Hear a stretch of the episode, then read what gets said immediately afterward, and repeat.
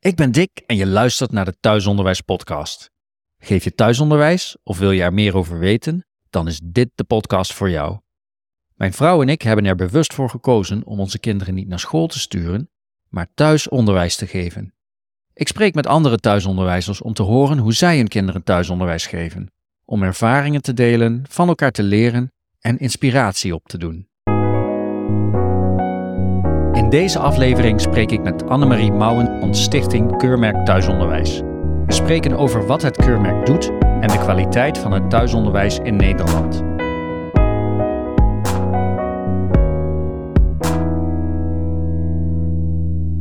Annemarie, welkom bij de Thuisonderwijs Podcast. Dankjewel, heel leuk om hier te zijn. Kun je wat over jezelf vertellen? Ja, eh, zeker. Ik ben iemand die, eh, als het over thuisonderwijs gaat, eigenlijk iemand is die heel erg van leren houdt. En dus ik heb ook gestudeerd op het gebied van beta-wetenschappen en alfa-wetenschappen. En dat heeft me altijd heel erg geïnspireerd. Toen onze kinderen klein waren, zijn wij ook eigenlijk in ons dagelijks leven veel bezig geweest met hoe ziet de wereld eruit, vragen beantwoorden. En dat groeide eigenlijk vanzelf verder in thuisonderwijs. Dus de stap was eigenlijk niet naar school gaan, maar de stap was verder gaan met waar wij al mee bezig waren. En jij bent bestuurslid van het keurmerk Thuisonderwijs? Van de stichting Keurmerk Thuisonderwijs, ja. Kun je daar wat over vertellen? Um, over de stichting.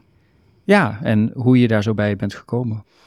Nou, ik had mij geabonneerd op de nieuwsbrief van de Stichting Keurmerk Thuisonderwijs, omdat ik graag op de hoogte wil blijven van wat speelt er in thuisonderwijsland. En uh, met golven gebeurt daar best veel.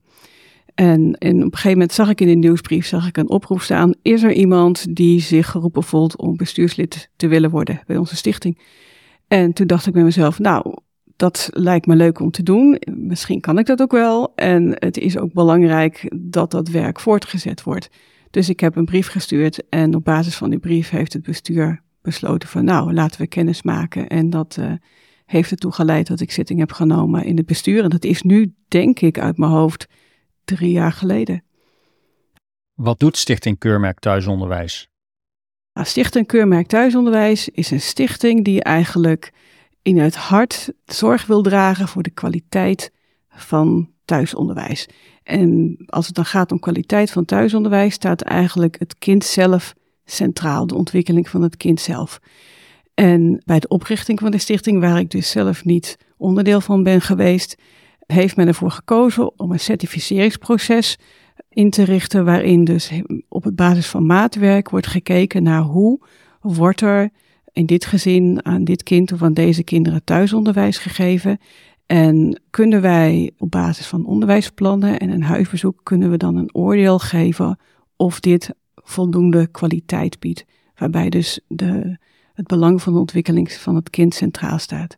Nou, en dat is eigenlijk onze belangrijkste taak. Dat is waar wij uh, gedurende het jaar mee bezig zijn. Rond de 40, 50 aanvragen per jaar. Je noemde net dat je niet bij de oprichting was. Je, zit, je bent drie jaar bestuurslid. Mm -hmm. Dr. Henk Blok is de oprichter van Stichting Keurmerk Thuisonderwijs. Mm -hmm. Maar hij kon hier vandaag helaas niet aanwezig zijn. Maar hij was zo vriendelijk om een aantal vragen per mail te beantwoorden. En misschien is het leuk voor de luisteraars dat ik die vragen voorlees en de antwoorden even voorlees. Dan uh, krijgen we een beetje een beeld van hoe het zo is ja, ontstaan. Prima. Dr. Henk Blok is gepensioneerd onderwijsonderzoeker. En hij heeft onderzoek gedaan voor onder andere het Koonstam Instituut van de Universiteit van Amsterdam.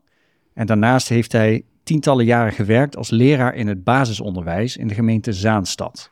Nu ga ik de vragen die ik heb gesteld en de antwoorden die de heer Blok heeft gegeven voorlezen. Hoe bent u met thuisonderwijs in aanraking gekomen?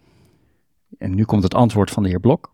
Ik was in 1996 betrokken in een discussie over het nut van klassenverkleining.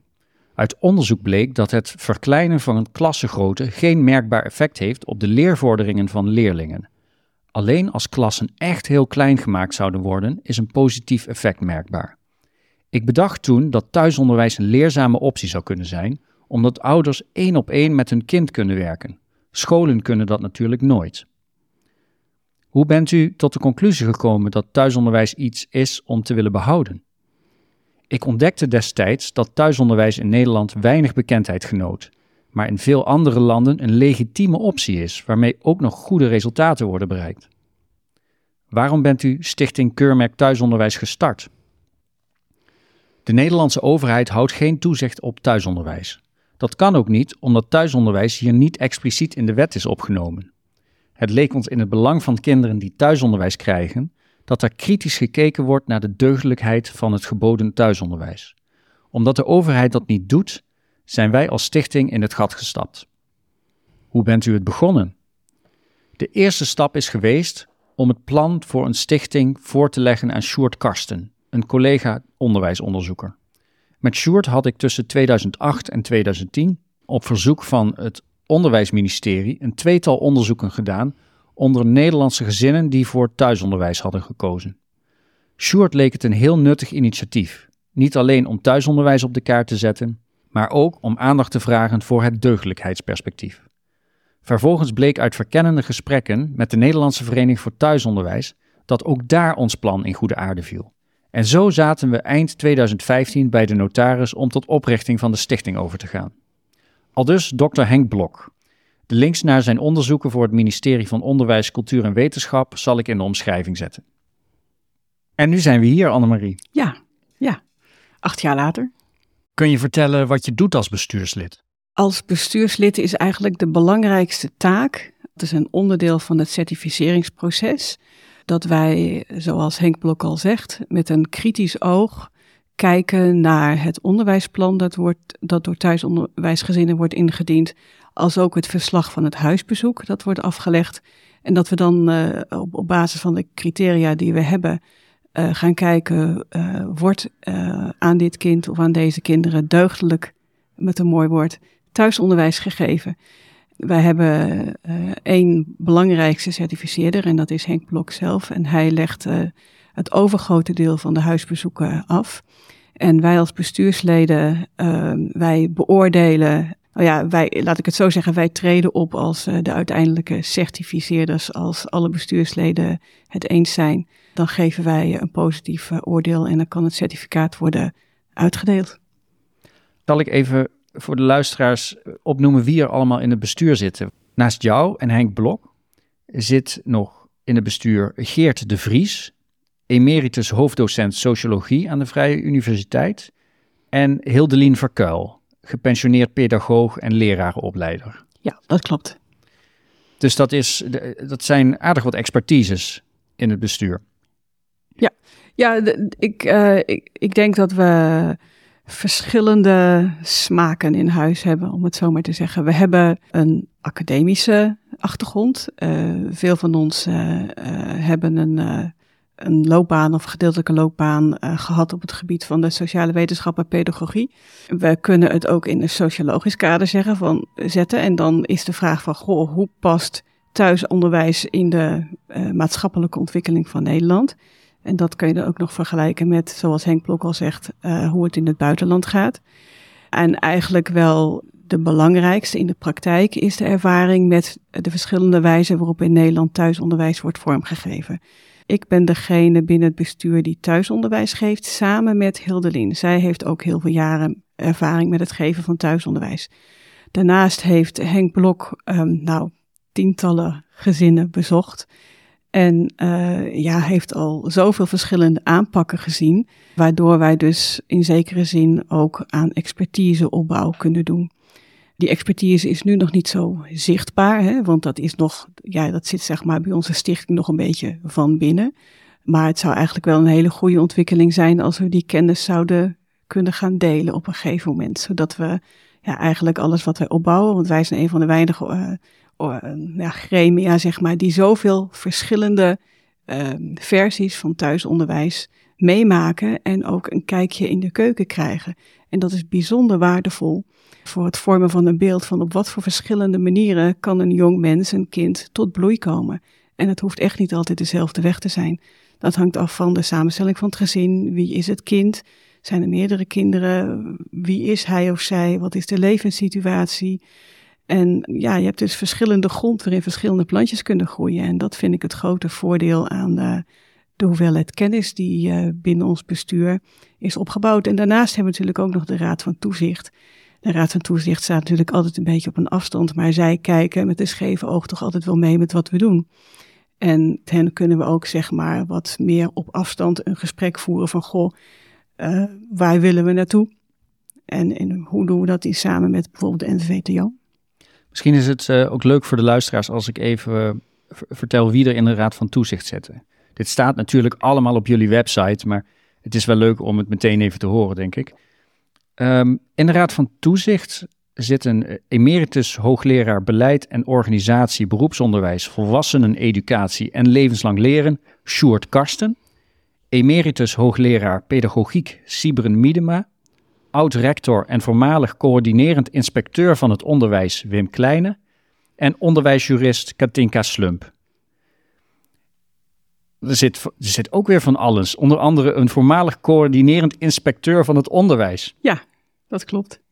Ja, dat is dus iemand die van dichtbij weet hoe de onderwijsinspectie werkt en daar ook de kwaliteiten van ziet en kent, maar daar ook de grenzen van uh, heeft gezien. Het is heel fijn dat we wat dat betreft onze deuren open hebben staan en openstaan naar de samenleving, openstaan naar de inspectie als dat nodig is. Want je noemde al eerder dat uh, jullie veel kennis opdoen, expertise, mm -hmm. en dat je die expertise wel zou willen delen misschien. Mm -hmm. Met wie zou je dat dan willen delen? Of zouden jullie dat dan willen delen, laat ik het zo zeggen? Nou, uh, ik denk dat de samenleving in zijn geheel bij gebaat is als er, zeg maar, net zoals deze podcast eigenlijk, dat er meer kennis komt over hoe thuisonderwijs er nou eigenlijk in de praktijk uitziet. Want bij mensen geldt voor heel veel zaken en ook wat thuisonderwijs betreft, wat de boer niet kent, dat verreet hij niet. Ik denk dat de, de meeste thuisonderwijsgezinnen de ervaring zullen hebben van hoe dan en waarom dan thuisonderwijs en hoe kom je daar dan bij? En um, in de landen om ons heen, en bijvoorbeeld in Engeland en in Amerika, is het, is het een, een reguliere vorm van, van het onderwijzen en laten opgroeien en laten ontwikkelen van kinderen. Ja, mijn deelname deze podcast is ook eigenlijk een onderdeel hè, van, van, uh, van dezelfde wens uh, om de bekendheid rondom thuisonderwijs binnen de samenleving in zijn geheel te vergroten en eigenlijk daarmee ook te normaliseren. Waarom is het nodig om thuisonderwijs meer bekendheid te geven? Ik denk dat alle mensen die uh, betrokken zijn bij thuisonderwijs in Nederland, zeker als je kijkt naar hoe het afgelopen jaar uh, gegaan is met het verkrijgen van de vrijstellingen, dat een, af en toe best een gure wind waait vanuit politiek Den Haag dat betekent eigenlijk ook uh, dat wij als thuisonderwijsgemeenschap uh, erbij gebaat zijn als wij onze stem laten horen. En dat geldt natuurlijk voor bijvoorbeeld deze thuisonderwijspodcast, maar dat geldt ook voor de Nederlandse Vereniging voor Thuisonderwijs. En wij als Stichting Keurmerk Thuisonderwijs proberen op een bij ons passende wijze ook te laten weten van goh, thuisonderwijs is eigenlijk een hele reguliere vorm van onderwijs en het als wij kunnen laten zien hoe ons certificeringsproces in elkaar zit en als we kunnen laten zien op wat voor rijke wijze thuisonderwijsgezinnen tegemoet willen komen aan de ontwikkeling van hun kinderen, dan zijn niet alleen de thuisonderwijsgezinnen daarbij gebaat, maar ook de samenleving in haar geheel. Want ik denk dat het ook geen geheim is dat er voor heel veel mensen uh, met kinderen grote vragen leven van goh, uh, mijn kind redt het niet op school en ik zou misschien toch wel graag thuisonderwijs willen geven. Dat zijn eigenlijk allemaal hele ingewikkelde zaken die nu juridisch, um, nou ja, om nogmaals het woord te gebruiken, ingewikkeld liggen. Er is niet zo heel veel ruimte. En uh, ik denk dat de komende vijf tot tien jaar zal moeten blijken of wij als samenleving in staat zijn om een, om een vorm te vinden waarin thuisonderwijs op een zodanige wijze wordt vormgegeven dat thuisonderwijs gezinnen tot bloei kunnen komen en dat tegelijkertijd er zorg voor wordt gedragen dat de kwaliteit van het thuisonderwijs dat wordt gegeven, dat dat deugdelijk is. En onze stichting doet daar op haar bescheiden wijze een poging toe. En wij bevinden ons natuurlijk in een maatschappelijk krachtenveld waar allerlei ontwikkelingen spelen, waar wij meer of minder sturing op hebben. Wat ik wil zeggen, is dat wij er natuurlijk open voor staan om de kennis die wij in de loop der jaren hebben opgebouwd te delen met de mensen die bij die maatschappelijke discussie betrokken zijn. Dat geldt voor de thuisonderwijsgezinnen zelf, dat geldt voor beleidmakers, voor leerplichtambtenaren en ook de onderwijsinspectie. Want ja, als zij toezicht willen houden op hoe het, hoe het hoe thuisonderwijs in Nederland op deze wijze op dit moment in tijd vorm krijgt, ja, dan, dan zullen ze toch ook met een andere bril moeten leren kijken. En daar kunnen we elkaar bij helpen, denk ik. Wat zou je zeggen tegen een, een kritische luisteraar die zegt: Ja, zo'n keurmerk thuisonderwijs, dat is leuk, maar dat zijn natuurlijk mensen die preken voor eigen parochie. Die zullen wel iedereen goedkeuren. Nou, dat is in de praktijk niet het geval. Uh, zoals ik uh, aan het begin van dit gesprek al heb gezegd, uh, bij de oprichting van de stichting staat de, stond en staat nu nog steeds de ontwikkeling van het kind centraal.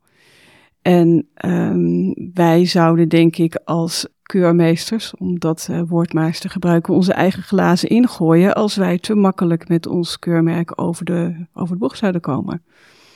Wij doen zoveel certificeringsprocessen per jaar als wij ook qua menskracht en draagkracht aankunnen. Dat betekent dat er niks wordt afgeraffeld. Dat betekent dat alle uh, onderwijsplannen en huisbezoeken zorgvuldig worden gelezen, zorgvuldig worden voorbereid en nabesproken. Dat we altijd kijken wat is de precieze uh, context waarin dit onderwijsplan is geschreven en waar wil het kind naartoe en waar willen de ouders staan met het kind naartoe. Dit vraagt om aandacht, dit vraagt om rust, dit vraagt in zekere zin, om maar zijn ouderwets woord te gebruiken, om toewijding.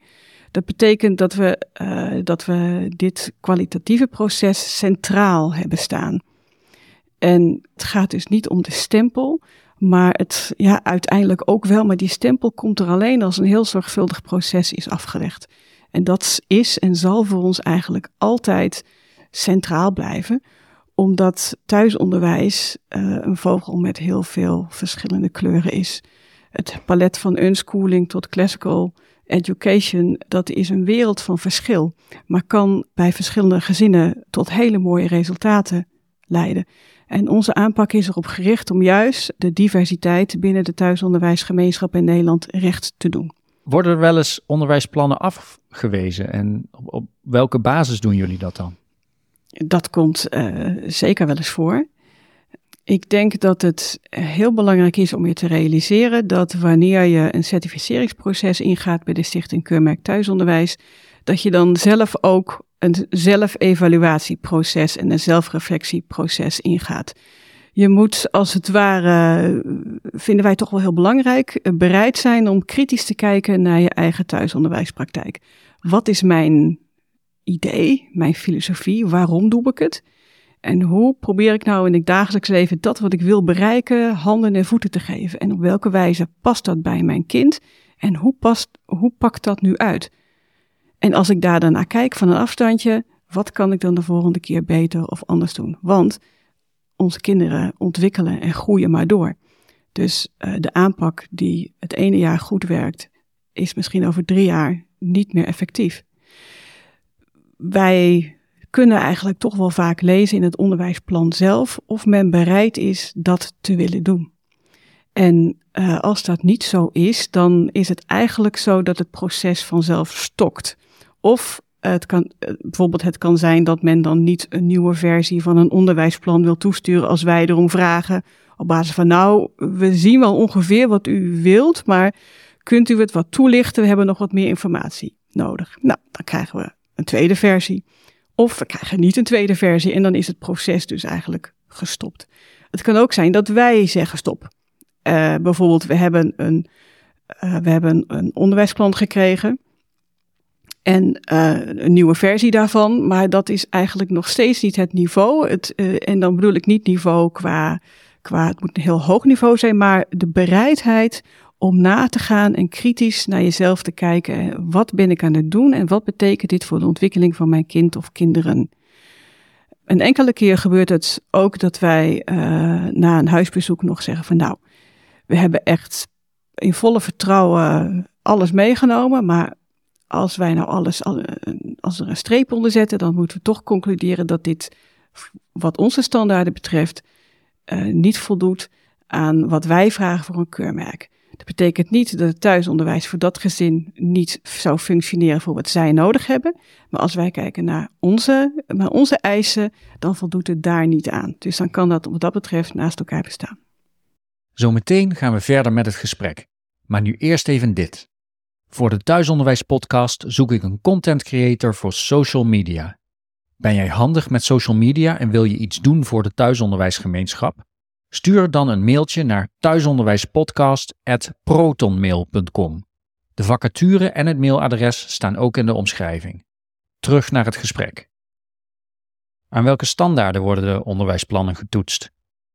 Bij de oprichting van de Stichting Keurmerk Thuisonderwijs is bewust gekozen om te kijken naar uh, de universele rechten van het kind. Dat is eigenlijk in de loop der jaren een hele goede keuze gebleken.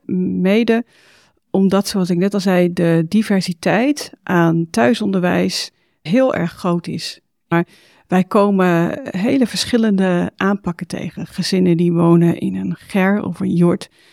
En gezinnen die daar uh, eigenlijk vooral bezig zijn met unschooling, het leven leren kennen. Hoe verbouw je het land? Uh, hoe zorg je voor je eigen voedsel? Hoe kun je een kind zo goed mogelijk stimuleren om zijn of haar passie te vinden? En tegelijk hem of haar voor te bereiden op een soepel en harmonieus samenleving met de maatschappij om je heen. Aan de andere kant zijn er ook gezinnen die kiezen voor een meer gestructureerde vorm van thuisonderwijs. En als het ware de schoolboeken van, van, de, van de school om de hoek op tafel hebben liggen en daar in eigen tempo aan werken. En hoe kun je nou een meetlat hebben die allebei die gezinnen kan meten? En de universele rechten van het kind is eigenlijk een, soort edelsteen met allerlei verschillende kanten. En die gaan oplichten in zowel een unschooling omgeving als ook een omgeving waar bijvoorbeeld heel gestructureerd met thuisonderwijs wordt gewerkt. En uh, dat geeft eigenlijk de mogelijkheid om vanuit de ontwikkeling van het kind, wat heeft hij of haar nodig? En doen de ouders er voldoende aan dat zij zich kunnen ontplooien, dat ze zich goed sociaal kunnen ontwikkelen, dat dat wat ze nodig hebben ook aangereikt krijgen. En dus ik denk ook dat in de toekomst deze aanpak heel vruchtbaar zal blijken. Zeker ook omdat de benadering vanuit bijvoorbeeld de onderwijsinspectie eigenlijk meer een een rechte meetlat is. En ja, al de verschillende vormen die zich in thuisonderwijsland in Nederland hebben ontwikkeld en de kennis over lerende kinderen die daar is opgebouwd, ja, die kan je daar niet mee meten, laat staan waarderen. En dat is misschien eigenlijk wel het belangrijkste, waarderen en herkennen van de ontwikkeling van kinderen. Hoe verschilt de werkwijze van het keurmerk thuisonderwijs met de onderwijsinspectie? Nou, in de praktijk is het niet zo dat de onderwijsinspectie nu uh, thuisonderwijs inspecteert. Het enige wat je zou kunnen vergelijken is met wat voor bril kijkt de onderwijsinspectie naar de huidige onderwijsinstellingen zoals wij die nu kennen in Nederland. De basisschool, middelbare school, nou, voortgezet onderwijs, hoger onderwijs. En uh, het afwezig zijn uh, van de inspectie op het, op het thuisonderwijs wat ik net zei, is eigenlijk dat je kunt zien hoe, met wat voor bril de onderwijsinspectie naar de reguliere onderwijsinstellingen kijkt. En dat dat toch, ja, dat is met een yardstick. Dat gaat over kwantiteiten. Hè. Je moet op bepaalde leeftijd, op bepaalde klassenniveau, moet je, uh, moet je aan bepaalde kennisinhouden en vaardigheidsniveaus moet je kunnen voldoen. En dat is, als ik dat zou vergelijken met wat wij als stichting doen, dan zou ik zeggen, nou, wij kijken dus echt naar de ontwikkelingsmogelijkheden van het kind zelf. Dus wij gaan van het kind zelf uit en kijken wat hij of zij nodig heeft en in hoeverre het thuisonderwijsklimaat dat nu door de ouders en anderen daaromheen, want het is vaak een gemeenschap om een gezin heen. en gezinnen doen het ook vaak samen. Wat er is opgebouwd, het, het, het leren- en groeiklimaat en onderwijsklimaat dat er is is dat voldoende vruchtbaar om het kind, de jongere, eh, de, de jongvolwassene zich op een fijne wijze te laten ontwikkelen. In de media wordt wel eens genoemd dat thuisonderwijskinderen niet in beeld zouden zijn. Wat is jullie ervaring daarmee?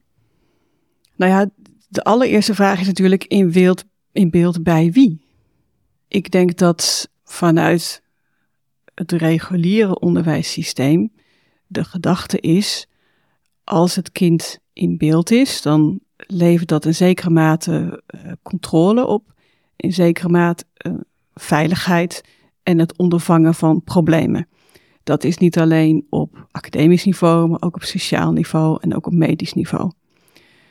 Ik kan me op zich wel voorstellen dat wanneer een overheid gewend is, uh, gewend is om met een dergelijke bril naar de ontwikkeling van mensen te kijken, en op der, dergelijke bril te kijken naar risicoanalyse, hoe ondervang ik de meeste problemen, dan is dit het instrument dat ik zou inzetten in, een instrument, in zo'n instrumentele visie. Um, ik zou een andere bril op willen zetten. In thuisonderwijzende gezinnen zijn kinderen heel erg goed in beeld, maar op een andere wijze. Kinderen zijn heel goed in beeld omdat ze als individu gezien worden. Wat hebben zij nodig als individu? Niet passen ze in het plaatje wat de school biedt, maar wordt er tegemoet gekomen aan hun behoeftes. Het is vaak zo dat thuisonderwijsgezinnen samenwerken, behoefte hebben aan contact. Juist ook omdat je sowieso als je thuisonderwijs geeft heel veel sociale contacten, bijvoorbeeld op het schoolplein, waar je elkaar ontmoet, niet hebt. Dat wordt vaak gezien als een nadeel, maar het is eigenlijk ook een imperatief voor thuisonderwijsgezinnen om op andere wijze een sociale gemeenschap te vormen. Uh, deze sociale gemeenschappen van thuisonderwijsgezinnen onderling en vaak ook de innige hechting in de buurt, omdat kinderen meer thuis zijn en meer in een uh, directe omgeving leven. Eigenlijk als het ware een soort sociaal kapitaal uh, meebrengen voor de samenleving in zijn geheel. En waarbij de kinderen dus ook juist heel goed in beeld zijn. En ik weet ook dat er vrij veel thuisonderwijsgezinnen zijn die heel erg hun best doen. Dat ook de instanties die wij in de samenleving hebben, die zorg dragen voor de veiligheid van kinderen, ook af en toe eens een signaaltje te geven, het gaat allemaal goed hier. Dus het zou wat mij betreft een hele goede ontwikkeling zijn als we elkaar wat beter leren begrijpen. Dat dus aan de ene kant de maatschappelijke instituten wat meer maatwerk willen bieden. En meer kunnen zien van ja, thuisonderwijs, dat, dat zijn gewoon hele gewone gezinnen. En daar kunnen we gewoon mee praten. En aan de andere kant dat thuisonderwijsgezinnen zich ook durven te realiseren dat er vanuit de samenleving ook een terechte vraag is van gaat het goed met de kinderen? En als we het gesprek daarover open met elkaar kunnen voeren, zonder te veel over elkaar grenzen te gaan, dan komen we misschien wat dichter bij elkaar.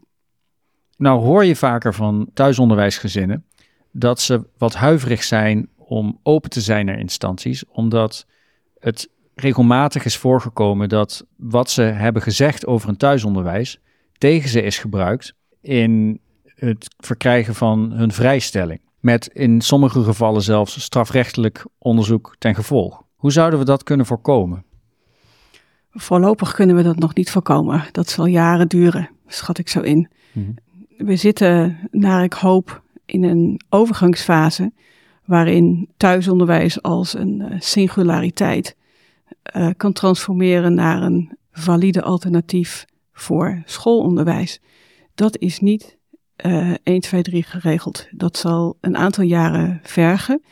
En het belangrijkste wat daar denk ik voor nodig is, is dat we aan beide kanten bereid zijn om de muren wat op te trekken, zodat we elkaar beter leren kennen. En ik snap het volkomen als thuisonderwijsgezinnen daar huiverig voor zijn. En in veel gevallen is dat nog terecht ook. Tegelijkertijd denk ik dat het zo is dat we dat op gepaste snelheid moeten doen.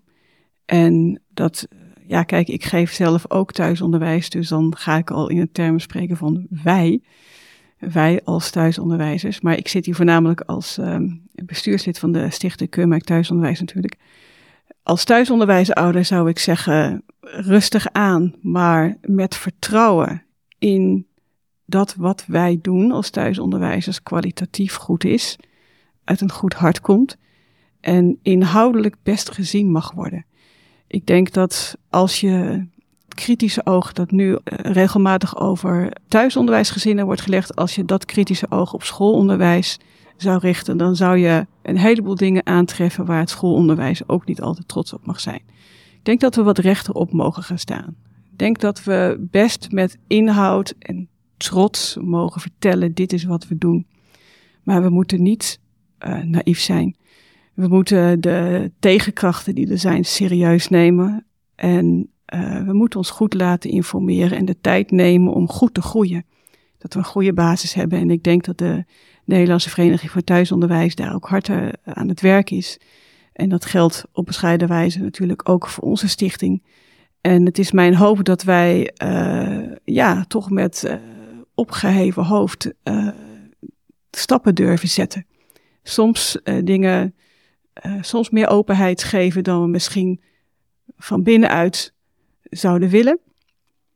En er tegelijkertijd op rekenen dat dat wat wij laten zien er mag zijn. Hoe is het over het algemeen gesteld met de kwaliteit van het thuisonderwijs in Nederland? Ik kan met overtuiging zeggen, hartstikke goed. En dat meen ik. Ik heb uh, uh, tientallen onderwijsplannen gezien. En wat daar eigenlijk vooraan staat, is dat ik dus waarneem dat de thuisonderwijsgemeenschap in Nederland een lerende organisatie is, een lerende gemeenschap is, dat is beter gezegd. De kennis die wordt opgedaan, wordt met elkaar gedeeld. De onderwijsplannen die we krijgen, daar lees ik in dat men heel goed kijkt naar wie ben ik, wie is mijn kind, hoe staan wij in het leven en hoe kun ik dat nou zo vormgeven dat onze kinderen goed leren wat zij belangrijk vinden, wat wij belangrijk vinden. En een hele belangrijke stap, dat we dat in harmonie kunnen doen met de samenleving om ons heen. En ik zie dat gewoon hartstikke veel, hartstikke goed gaan. Ik vind dat we daar niet over mogen klagen. Ik heb daar heel veel vertrouwen in. Want ik zie dus ook dat het kennisniveau bij de thuisonderwijsouders toeneemt. En het zou zonde zijn als wij deze kennisopbouw en expertise opbouwen binnen de thuisonderwijsgemeenschap zelf, als we daar niet trots op zouden zijn en verder zouden laten groeien. En nou zou een kritisch iemand kunnen zeggen: ja, maar er zal vast wel ergens een gezin zijn waar de kinderen al dan niet educatief of misschien wel in zijn geheel worden verwaarloosd en thuisonderwijs gebruiken als excuus daarvoor. Komt het überhaupt voor? En wat zou je daarop zeggen? Nou, ik denk dat het een maatschappelijk verschijnsel is en niet een thuisonderwijsverschijnsel. Ik denk dat in iedere samenleving uh, er mensen zijn voor wie het moeilijk is om mee te komen. Of die uh, vanuit eigen keuze of uh, door omstandigheden gedwongen buiten de boot vallen. En in sommige van die gezinnen, daar zijn ook kinderen bij betrokken. Maar dat is niet specifiek voor thuisonderwijs. Ik heb het bij ons eigenlijk nooit meegemaakt. En bij ons bedoel ik dan de Stichting Keurmerk Thuisonderwijs. De huisbezoeken die wij afleggen hebben ook als belangrijk doel om te kijken of het onderwijsplan dat wij op papier, nou ja, tegenwoordig dan digitaal binnenkrijgen, of dat in de praktijk ook daadwerkelijk uh, zo wordt uitgevoerd. En bij een huisbezoek kun je wat dat betreft kun je niet verstoppen. En dat klinkt dan misschien een beetje, ja, maar dat is achter de voordeur. Ja, dat is ook achter de voordeur, omdat we toch ook de verantwoordelijkheid voelen dat komen wij met een, met een oordeel, er wordt hier deugdelijk thuisonderwijs gegeven, dan willen we de mensen ook echt in de ogen gekeken hebben en de kinderen gezien hebben. En dat gaat allemaal op een hele prettige wijze. En uh, wij zijn heel open over ons, uh, over ons proces. En ik denk ook dat dat goed is. Ik denk ook dat dat goed is richting de maatschappij. Dit is wat wij doen. Dit is waar wij naar kijken en dit is wat er uitkomt. En we zijn met elkaar binnen de thuisonderwijsgemeenschap, zijn we allemaal mensen. En we, en we proberen de lat zo neer te leggen dat wij uh, het kaf van het koren kunnen scheiden. En ik denk dat dat in de praktijk ook inderdaad lukt. Ik hoor dat jullie bij Stichting Keurmerk Thuisonderwijs heel zorgvuldig te werk gaan. Maar niet alle thuisonderwijsouders proberen een keurmerk te krijgen. En de zorg van mensen zal toch zijn: hoe zorg je er nou voor dat er geen enkel kind buiten de boot valt? Is dat te voorkomen? Ik denk dat de vraag uh, of er wel eens uh, kinderen tussen de kieren doorslippen in thuisonderwijsland, ingegeven is door een heel op zich gerechtvaardigde zorg van ons als samenleving richting kinderen. En ik denk dat dat prima is. Ik denk echter dat we onszelf geen rad voor ogen moeten draaien. Geen enkel systeem is waterdicht. En dat geldt, uh, je kunt nog zoveel toezicht op wat dan ook richten, maar daarmee haal je ook het leven uit het systeem.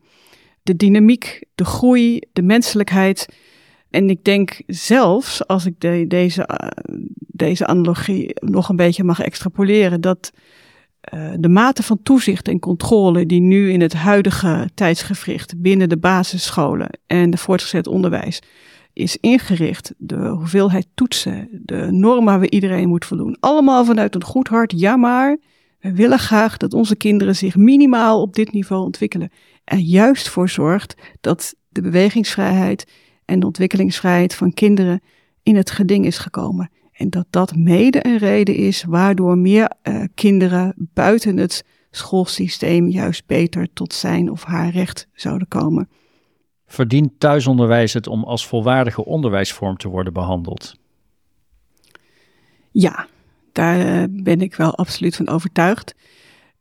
Ik kijk daarvoor dan ook eventjes naar het buitenland. Ik denk dat er weinig landen ter wereld zijn waar thuisonderwijs zo kritisch wordt bejegend. Duitsland is ook een land waar het heel moeilijk is.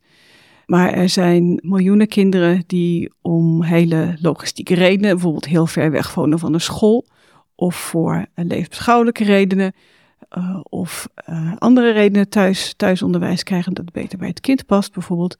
En die laten eigenlijk zien dat je moet van goede huizen komen, wil je de verantwoordelijkheid uh, durven nemen om de ontwikkeling en het onderwijs van je kind of kinderen, om daar zelf zorg voor te dragen. Want er komt natuurlijk heel veel bij kijken. Niet alleen qua daginrichting, maar ook qua financiële inrichting van het gezin, uh, qua kosten.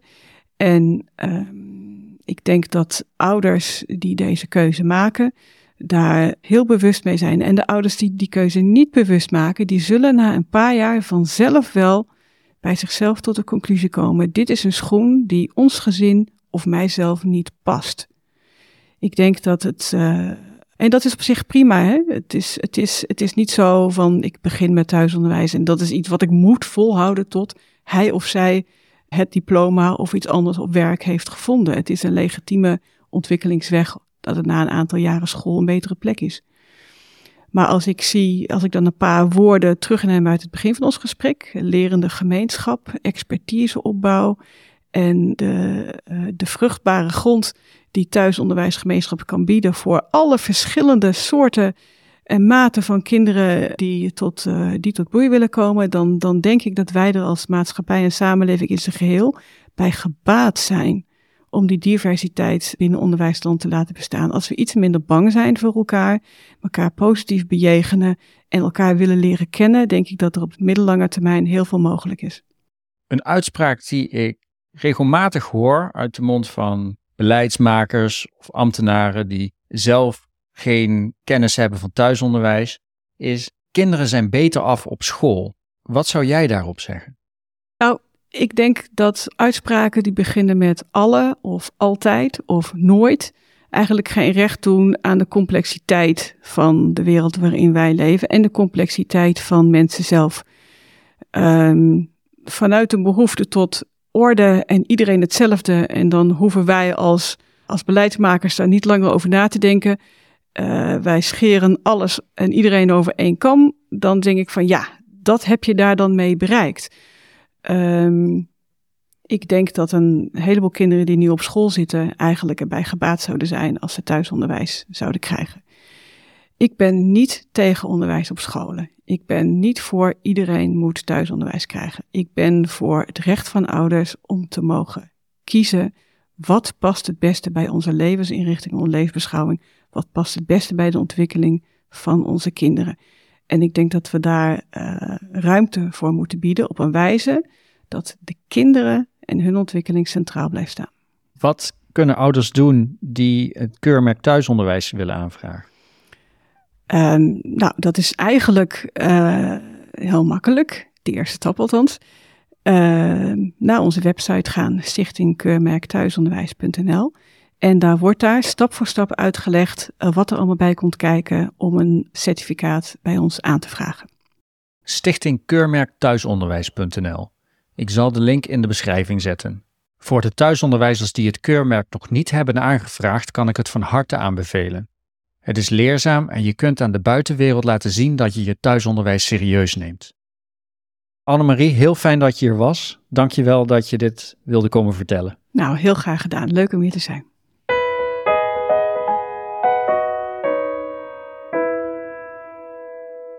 Dank voor het luisteren naar de Thuisonderwijs Podcast. Vond je deze aflevering interessant? Stuur hem dan door aan iemand die hem ook interessant zou kunnen vinden.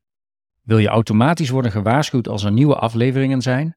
Tap dan in Spotify op de volgende knop en op het belletje ernaast of op de plusknop in Apple Podcasts. Het maken van een podcast kost tijd en geld. Wil je helpen om nieuwe afleveringen mogelijk te maken? Doe dan een bijdrage in de Fooienpot op fooienpot met een d.com slash thuisonderwijspodcast. De link staat ook in de beschrijving.